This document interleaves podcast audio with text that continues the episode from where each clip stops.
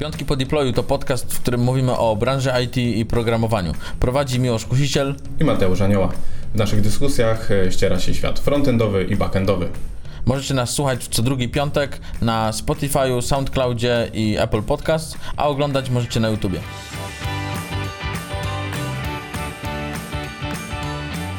Cześć, zapraszam Was do wysłania drugiej części rozmowy z Kasią, gdzie kontynuujemy nasze dywagacje o rekrutacji w IT. W tym odcinku zastanowimy się, jak powinna przebiegać idealna rozmowa techniczna. Podzielimy się również naszymi przemyśleniami na temat dość kontrowersyjny, czyli czy wysyłać i prosić e, kandydatów o wykonywanie zadań rekrutacyjnych. Dodatkowo chcielibyśmy poruszyć temat braku chemii na takim spotkaniu. I czy to zawsze jest zły znak, a jeżeli takiej chemii nie ma, tak rozluźnić atmosferę na takiej rozmowie. Może zahaczmy trochę o, o, samą rozmowę techniczną. Myślę, że to jest najważniejsza część całej rekrutacji, szczególnie do mhm. IT.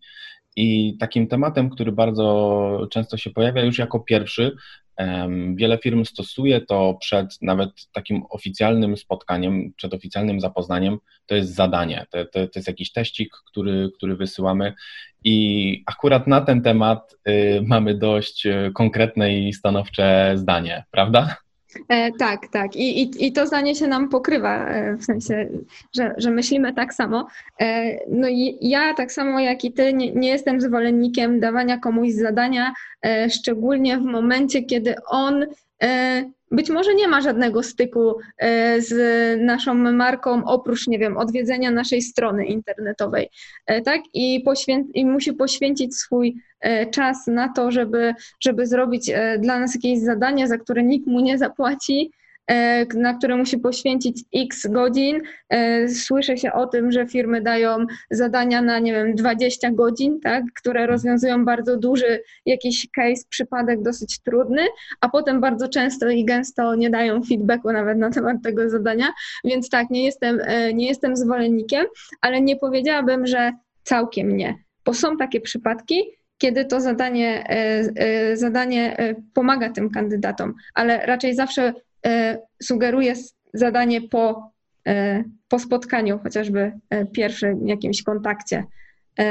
I, I tutaj może więcej powiesz nam o tych przypadkach, kiedy właśnie to zadanie dajemy, kiedy, kiedy warto, warto się posiłkować takim rozwiązaniem.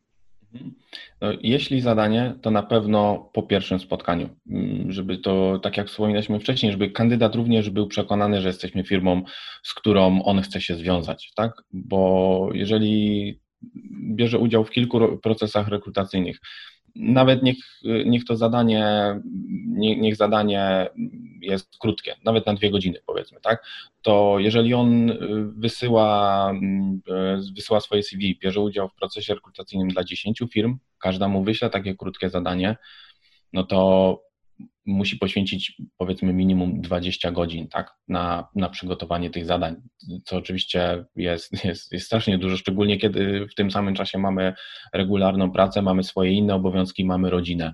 E, I uważam, że jedynymi przypadkami, w którymi e, to zadanie warto wysłać, to jest właśnie po pierwszym spotkaniu, kiedy pewnych rzeczy nie udało się sprawdzić na, na rozmowie. E, jakby ja rozumiem że rozmowy są stresujące, że, e, że nie każdy potrafi się dobrze zaprezentować na rozmowie. E, rozumiem, że opowiadać o aspektach technicznych, opowiadać o swoich projektach, o kodzie też nie zawsze jest, nie zawsze jest łatwo. Zwyczajnie być może ktoś po prostu nie miał najlepszego dnia, tak? Może mhm. się gorzej czuł, może był lekko przeziębiony i nie zaprezentował się najlepiej. Z drugiej strony też ja mogę nie mieć na przykład przekonania, E, co do pewnych kwestii. Na przykład z drugiej strony kandydaci może, mm, mogą świetnie opowiadać o technologiach, może potrafią użyć odpowiednich słów, może znają nomenklaturę techniczną, ale jednak do końca gdzieś tam nie jestem przekonany, czy rzeczywiście potrafią pisać ten kod. E, I w takich przypadkach e, z jednej strony, kiedy Potrzebujemy pewnego potwierdzenia, być może, ale z drugiej strony kandydat też zna nas i wie, że jesteśmy firmą, z którą chce się związać. Myślę, że takie zadanie warto wysłać tylko że wtedy jasno ustalamy zasady. Uważam, że zadanie mimo wszystko maksymalnie powinno zajmować 4 godziny. Jest to tyle, jakby odpowiednio dużo czasu, żeby coś już tam sprawdzić, ale nie zajmuje też znowu aż tyle czasu, y, żeby ktoś e, tego czasu może nie znalazł. Jest to nadal jednak jakby no pół dnia roboczego. Ale dopasujmy wtedy termin, dopasujmy czas na rozwiązanie tego zadania, tak żeby kandydat e, znalazł na to czas. E, ustalmy ten proces w ten sposób, że jeśli kandydat miałby również pytania, na, e, podczas tego zadania, żebyśmy byli dostępni, żeby mógł je, mógł je zadać dodatkowo. No i co najważniejsze, nie stójmy nad kandydatem w momencie, kiedy on je robi, tak? Wyślijmy mu je na spokojnie, niech je zrobi u siebie z domu w komfortowych, w komfortowych warunkach. Naprawdę nic się nie stanie, jak wyszuka pewne rozwiązania na Stack Overflow i tak będzie to robił w, w czasie pracy, tak? Po prostu uznajmy, że to jest no, aspekt naszej pracy i nie da się tego, nie jest to nic złego i, i, i nie próbujmy na siłę tego zrobić coś złego. No a wtedy, co uważam, jakby również jest bardzo ważne, spotkajmy się z tym kandydatem, dzwońmy się z nim chociażby na 15 minut i przejdźmy wspólnie przez to zadanie. Wtedy ja dopytam, dlaczego tak, e, takie rozwiązanie, dlaczego nie inne, dlaczego tutaj zastosował na przykład taką konstrukcję, a nie inną, a nie róbmy też e, suchego feedbacku, na podstawie którego po prostu wyślemy kilka zdań podsumowania i powiemy ok, fajnie lub nie fajnie.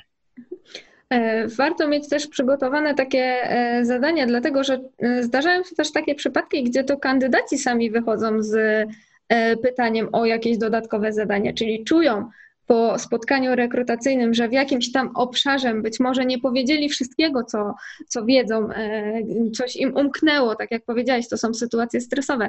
I sami się zwracają o to, czy mogliby dostać jakieś dodatkowe e, zadanie w danym e, obszarze, bo chcieli by pokazać, na co ich stać, więc rzeczywiście warto mieć takie zadanie przygotowane, ale nie warto zaczynać rekrutacji, moim zdaniem, od sam, samego zadania, tak, tylko tylko od rozmowy.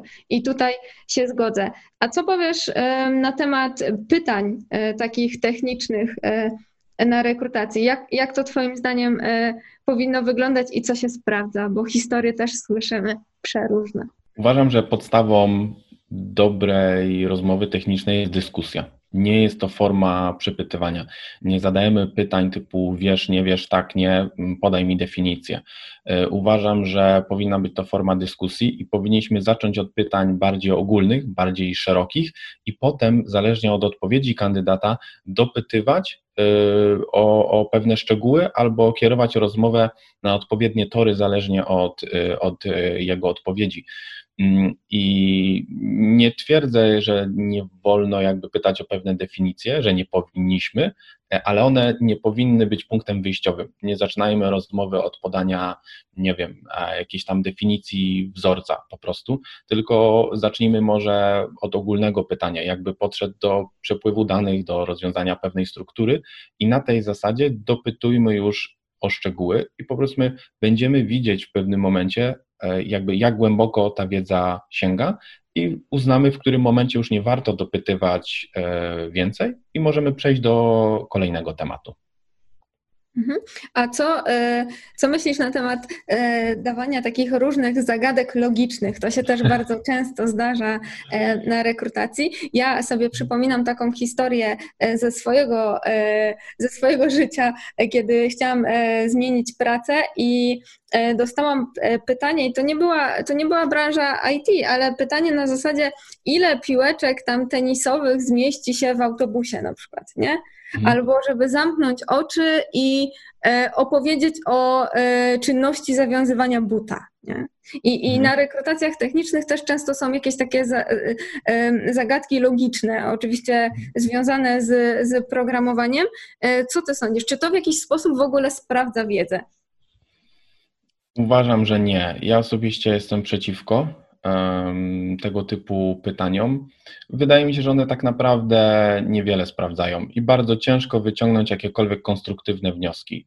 Ten przypadek, który mówisz, ilość piłeczek e, w, w, autobusie, tak? Mm. To naprawdę to się sprowadza pewnie do tego, tak się domyślam, że chcemy usłyszeć, że jakby ten proces myślenia kandydata, tak? Że on obliczy, nie wiem, obliczy objętość danej piłeczki, tak, założy ile ona może mieć, będzie myśleć, ile może mieć objętości wewnątrz autobus, odejmie, nie wiem, jakieś tam siedzenia, tak, i obojętnie jaki by ten wynik nie był, y, on w ogóle może być daleki od rzeczywistości, ale stwierdzamy, ok, jego proces myślenia jest fajny. Uważam, że no, co to tak naprawdę sprawdza, nie? Czy zna kilka wzorów na, na objętość i, i umie je policzyć w głowie, czy to jest jakaś umiejętność, która będzie się gdzieś tam sprawdzać? Z drugiej strony, tak naprawdę nigdy nie wiemy, czy dany kandydat y, daną zagadkę zna lub nie zna, lub ją słyszał wcześniej, no chyba, że się przyzna sam.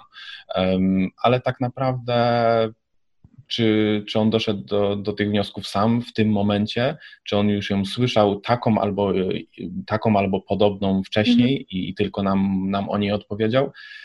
Powinniśmy zadać sobie pytanie, co my tak naprawdę chcemy sprawdzić i, i, czy, i czy zagadka logiczna w jakikolwiek sposób pomaga nam podjąć decyzję. Bo na przykład powiedzmy szukamy Pythonowca, tak? Szukamy kogoś, kto będzie zajmował się programowaniem, nie wiem, baz danych, powiedzmy, tak? E, I zadamy mu takie pytanie, czy na czy jak on nie będzie potrafił odpowiedzieć na to pytanie, to oznacza, że jest złym kandydatem i my go nie chcemy? A z drugiej strony, jeżeli on będzie potrafił to obliczyć, podać nam jakiś przybliżony wynik, czy to oznacza, że y, będzie się sprawdzał na danym stanowisku?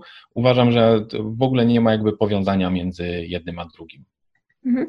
Tak, tutaj się też zgodzę, że pytania i, i, i też ewentualne zadania, jeżeli, jeżeli są, powinny być zgodne z tym, czy, czym zajmuje się firma, a, a nie y, odstrzelone trochę od rzeczywistości, tak? I, I nie wiem, pytania z zakresu jakichś takich bardziej akademickie.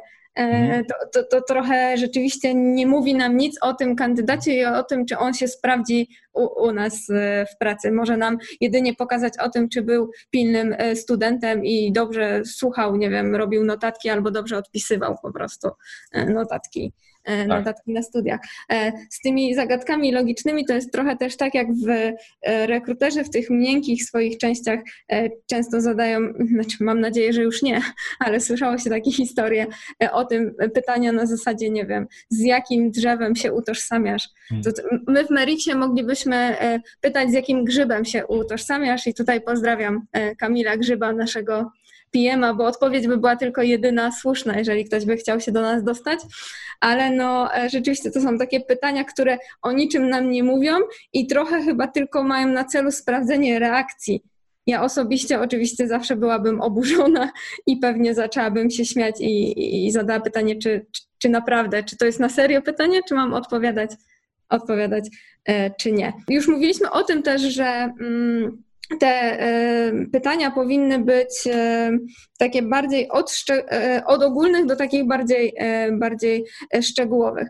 E, a co uważasz o takiej całej otoczce? Bo wiadomo, wiedza techniczna wiedzą techniczną, ale też bardzo ważne jest to, przy jakich projektach kandydat pracował, jak się czuł, nie wiem, w jakiejś metodologii zwinnej i tak dalej. Czy to też powinno się pojawić? Oczywiście się powinno, powinno pojawić, y, bo należy pamiętać, że branża IT jest bardzo szeroka. Tak? To nie jest tak, że istnieje tylko jeden rodzaj pracy, to jest y, i tylko jeden workflow, jeden stack technologiczny, jedna branża. I tak naprawdę kandydaci mogli pracować w zupełnie odmiennych warunkach, ale jednak nie dyskwalifikuje ich to, do, mm, do pracy w innej branży, czy trochę w innym, e, w innym układzie.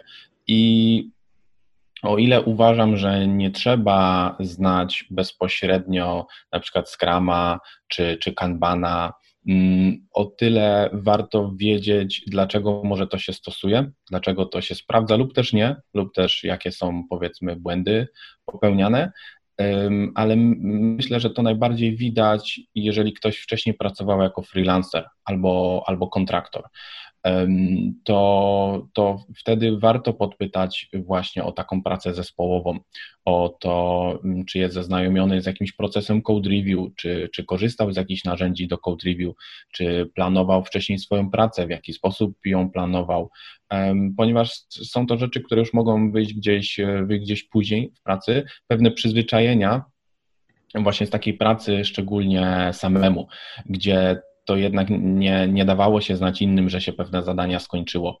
E, jednak nie przedyskutowywało się pewnych rozwiązań z innymi osobami, żeby mieć pewność, że rozwiązanie, które ja zastosuję, ma spodziewany skutek i wpływ na, e, na resztę zespołu. Mi się wydaje, że najważniejszym chyba takim kluczem, czy to jest rozmowa techniczna, czy, czy to jest pierwsze spotkanie, nie wiem, z HR-em osobne po prostu, e, to ze strony firmy i, i osób, które rekrutują, to chyba najlepsze, co można zrobić, to na sam początek pomóc kandydatowi trochę opanować stres żeby też spowodować to, żeby, żeby poznać po prostu tego kandydata, jak on się zachowuje e, w takim naturalnym, naturalnej sytuacji, tak?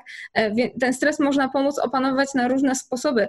E, bardzo fajnie też o tym powiedziałeś, że mm, rzeczywiście zadawanie takich pytań od takich bardziej ogólnych pomaga temu kandydatowi się rozkręcić i wejść na te właściwe tory, gdzie on już później naturalnie będzie opowiadał o swojej codziennej pracy. Bo wiadomo, jeżeli ktoś jest programistą i interesuje się swoją, swoją pracą, a nie tylko klepie, żeby odklepać 8 godzin, zarobić pieniądze i, e, i tyle, e, to on będzie potrafił to e, zrobić, opowiedzieć o tym. I, i to nie będzie dla niego, dla niego duży, duży problem, ale no może polec na, na tym, że wejdzie tutaj ten czynnik stresowy, więc fajnie zawsze na początku po prostu opowiedzieć coś o firmie, e, dodać coś o projektach i tak naturalnie przejść do tej e, rozmowy.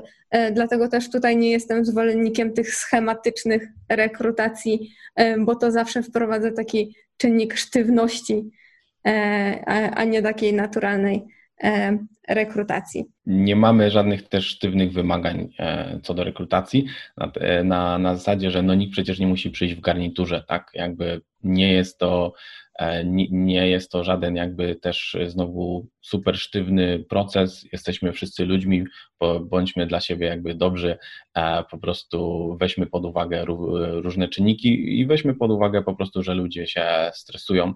E, tak samo rekruterzy jakby bez, bez może jakiegoś większego doświadczenia, ale również osoby techniczne, które biorą udział w procesach rekrutacyjnych. Być może y, jest to rekrutacja, którą przeprowadzają pierwsza, druga lub trzecia i również mogą się stresować.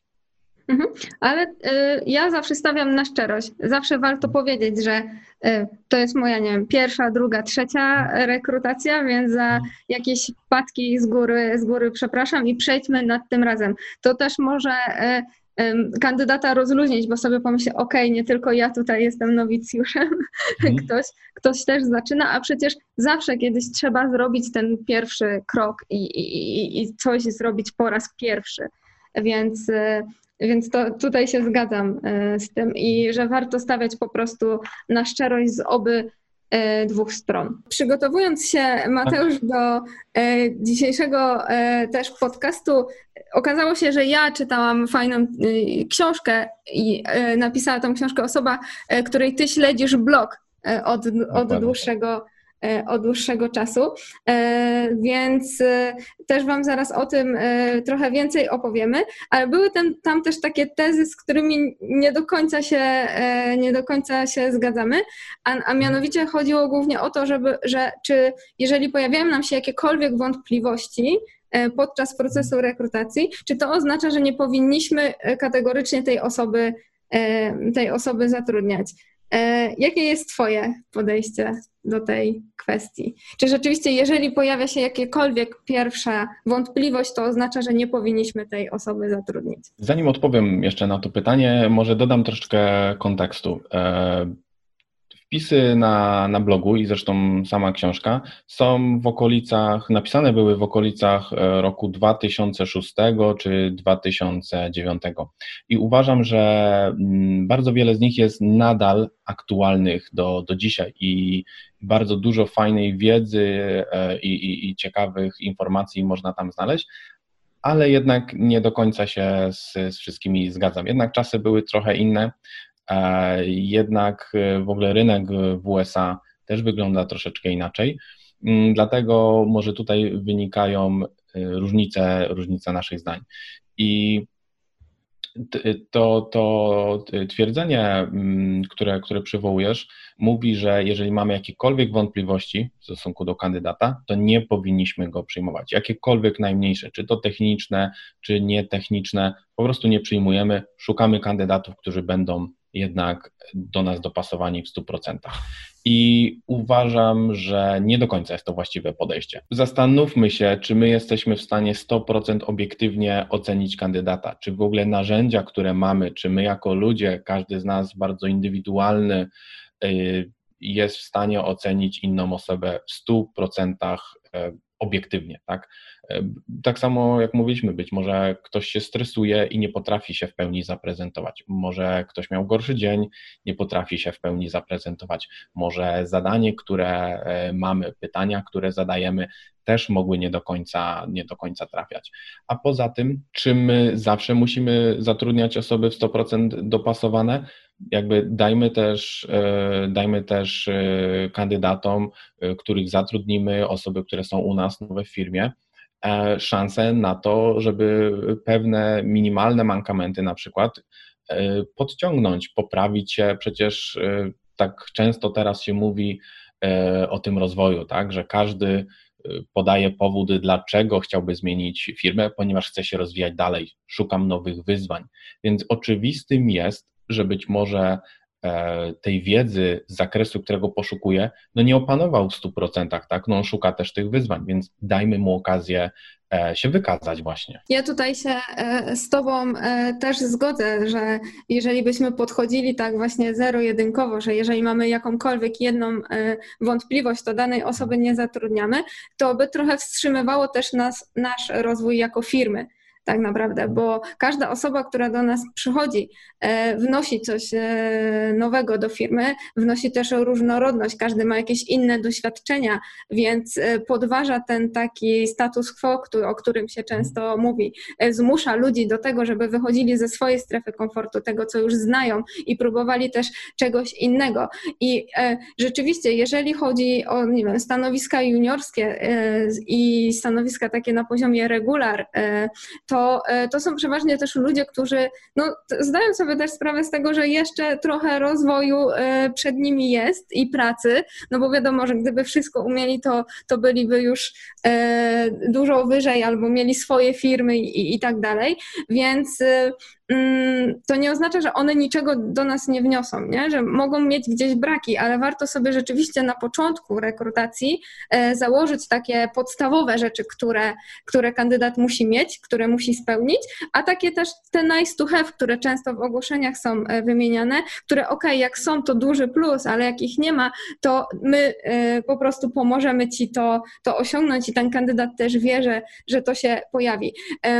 Zastanawiałabym się tylko, jeżeli chodzi o stanowiska seniorskie, bo od osób na takich stanowiskach e, te wymagania są już dużo, dużo większe i często łączą się również z takimi e, skillami miękkimi e, i z takim podejściem też często biznesowym. Wiadomo, w poprzednim podcaście, bo tam jeszcze przedostatnim było poruszany temat seniorów, że w każdej tak naprawdę firmie i ktoś inny może być, może być tym seniorem, ale tutaj bym się zastanowiła z tego względu, że seniorzy też mają mm, bardzo y, odmienne wymagania niż regularzy, bo to są osoby, które już mają naprawdę bardzo duże przeważnie doświadczenie, e, które jeżeli zgłaszają się do naszej firmy, to raczej nas znają, bo skoro pracują już kilka lat w branży, to, e, to, to, to wiedzą, e, jak wygląda rynek, szczególnie taki lokalny, jeżeli mówimy w tym zakresie.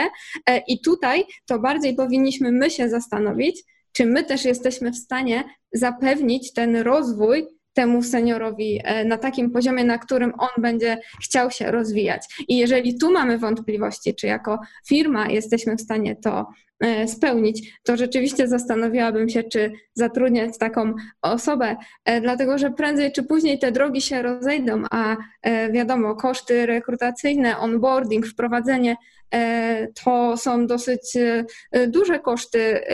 Nawet nie chodzi o pieniądze, tylko też o czas na to poświęcony.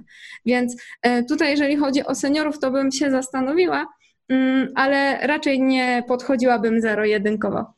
Bo tak jak mówisz, wiele czynników dookoła na to wpływa. No to nie pozostaje nam nic innego, jak powiedzieć, że chodzi nam o e, blog e, Joel on Software pisany przez Joela z polskiego i książkę, która się nazywa e, Programista poszukiwany, znajdź i zatrudnij najlepszego. No myślę, że zbliżamy się pomału do końca odcinka. E, czy Kasia chciałabyś jeszcze o czymś e, wspomnieć na sam koniec? No oczywiście, nie byłabym HR-owcem, gdybym e, tego nie powiedziała, że w Merrick Studio oczywiście prowadzimy procesy rekrutacji, mamy otwarte rekrutacje, które odbywają się też zdalnie i wszystkie aktualne info znajdziecie na naszej stronie, więc zapraszam. Oczywiście, jeżeli macie jakieś dodatkowe pytania, śmiało piszcie na LinkedInie, na wszystko Wam odpowiemy na zakończenie też tego odcinka chciałbym ogólnie wszystkim w tych dość trudnych czasach, e, szczególnie tym, którzy stracili pracę, tym, którzy no, niestety musieli się z jakimiś przykrymi skutkami pewnych decyzji pogodzić czy, czy zmierzyć. Życzę wszystkim, e, żeby była to sytuacja tymczasowa, żeby również pracę e, znaleźli. No i trzymajmy kciuki, że, że niedługo będzie lepiej. Jeszcze będzie normalnie. Dzięki wielkie. Tak. Dzięki. E, możecie nas e, słuchać na Spotify'u, możecie nas oglądać na YouTubie, możecie nas również słuchać na iTunesie. E, no nic, dziękujemy uprzejmie. Mam nadzieję, że deploye w piątek również będą, pójdą sukcesem, nie będzie żadnych błędów. No nic, miłego weekendu i pozdro 500. Cześć.